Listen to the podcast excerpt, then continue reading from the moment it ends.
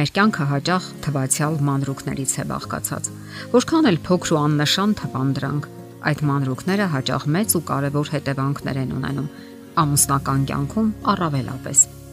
Մանրուքները կարող են նյարդայնացնել, կարող են նաև դրական վերաբերմունք ձևավորել։ Երբ ամուսինները սիրում են միմյանց, մանրուքները կարող են հաճելի թվալ։ Դրանք սովորաբար մարդու բնավորության առանձնահատկություններն են։ Ամեն ինչ կախված է նրանից, թե ով է մեր կողքին սիրելի անznավորություն, թե պարզապես պատահական պատեհապաշտ մեկը։ Օրինակ, մերձ ու սիրելի մարդիկ ամեն օր փոքրիկ մանր թվացող սխրագործություններ են կատարում, եւ երբ դրանք դառնում են առօրյական կամ ամենօրյա, ուրեմն ձեր բախտը բերել է եւ ձեր կողքին հենց ձեր սիրելի անznավորությունն է, որի հետ կարելի է եւ պետք է կապել կյանքը։ Նա հենց ձեր իսկական սերն է։ Հոգատարության փոքրիկ դրսևորումները գեղեցկացնում են կյանքը թեթևացնում են հոգսերը։ Ուշադրություն դարձրեք, նա հոգում է ձեր մասին։ Խոսքը թանկարժեք մորթե մուշտակի մասին չէ, որը նվիրում է ծննդյան տոնին, այլ փոքրիկ, սակայն ամենօրյա քայլերի կամ որ նույնն է ժեստերի մասին է։ Նա ամեն օր ցույց է տալիս իր զգացմունքները, գովաբանում է, սատարում եւ հանգստացնում է ձեզ։ Ասենք ձեր կնոջը երեկոյան դիմավորում եք մետրոյի մուտքի մոտ կամ մի գավաթ թեյ եք հյուրասիրում երբ նա համակարգչի մոտ է։ Մենք երբեմն չենք էլ նկատում ամենօրյա այդ մանր արարքները, սակայն չէ որ հենց դա է իսկական սերը։ Շատերը սխալմամբ ողջ կյանքում հրաբորբոք սեր են պահանջում, ակնկալում եւ հիասթափվում են, երբ չեն տեսնում այն։ Ահա դուք հիվանդ եք։ Ձեր ամուսինը նստել է խոհանոցում, կենտրոնացած հայացքը հառել է սառած հավին եւ փորձում է Google-ում որոնել, թե ինչպես կարելի է եփել այդ արդեն տանջահար հավը եւ կամ էլ համեղ արգանակ պատրաստել ձեզ համար։ Իսկ դուք ինչ է ավելին եք սպասում։ Ասենք թե ինչպես է նա ձեզ համար երկնքից աստղեր իջեցնում։ Իրականն այն է, երբ գնում եք մի թաղամաս այն կողմում գտնվող խանութը, որpիսի գնեք նրա սիրած սև շոկոլադը Իսկ պատահել է, որ դուք երկուսով հիացական հայացքներ եք փոխանակել, երբ ձեր զավակը ինչ որ արտասովոր բան է արել։ Ձեր հայացքները կարծես ասել են. այդ մենք ենք ստեղծել այս հրաշամանոկին։ Կամ դուք ուշացած տուն եք գալիս աշխատանքից, իսկ ձեր ամուսինը տակ թե է մատուցում, շոյում է ձեր հոգնած ուսերը, սահուն անցում կատարելով դեպի մազերը։ Իսկ միգուցե հենց դա է իսկական սերը։ Ինչ կասեք այդ մասին։ Հիշում եք ձեր ծանոթության առաջին օրերը։ Նա ամեն օր կանոնավոր ծիծաղաշարժ վիդեո հաղորդագրություններ ուղարկում ձեզ։ Տակն էլ գրված բարի առավոտ։ Իսկ հետո, երբ անցան տարիները,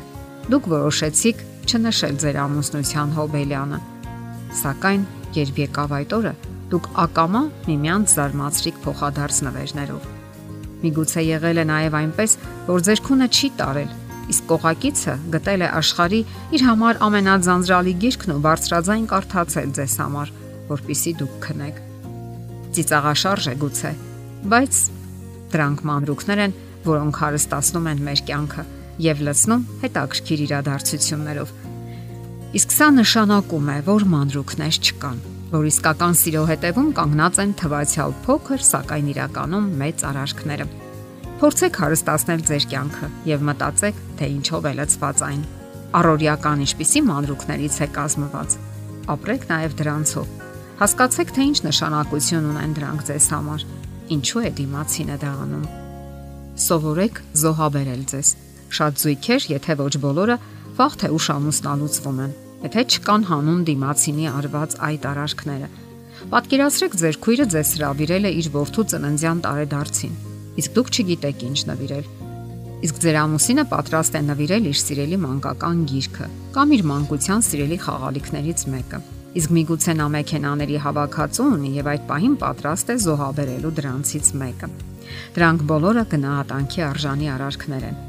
Հարկավոր է գնահատել եւ առիթի դեպքում վարվել նույն ձևով։ Կամ ասենք դուք հենվել եք նրա ձեռքի վրա եւ քնել։ Վաղուց նրա ձեռքը թմրել է, իսկ նա չի էլ ասում այդ մասին։ Ինչ եք կարծում, փոքր արարք է։ Այդ արարքներից յուրաքանչյուրը խոսում է մարդու ներքին որակների մասին։ Գուցե նաև իսկական սիրո։ Մինչ դուք մտածում եք իսկական սիրո մասին եւ երազում, այն ձեր կողքին է։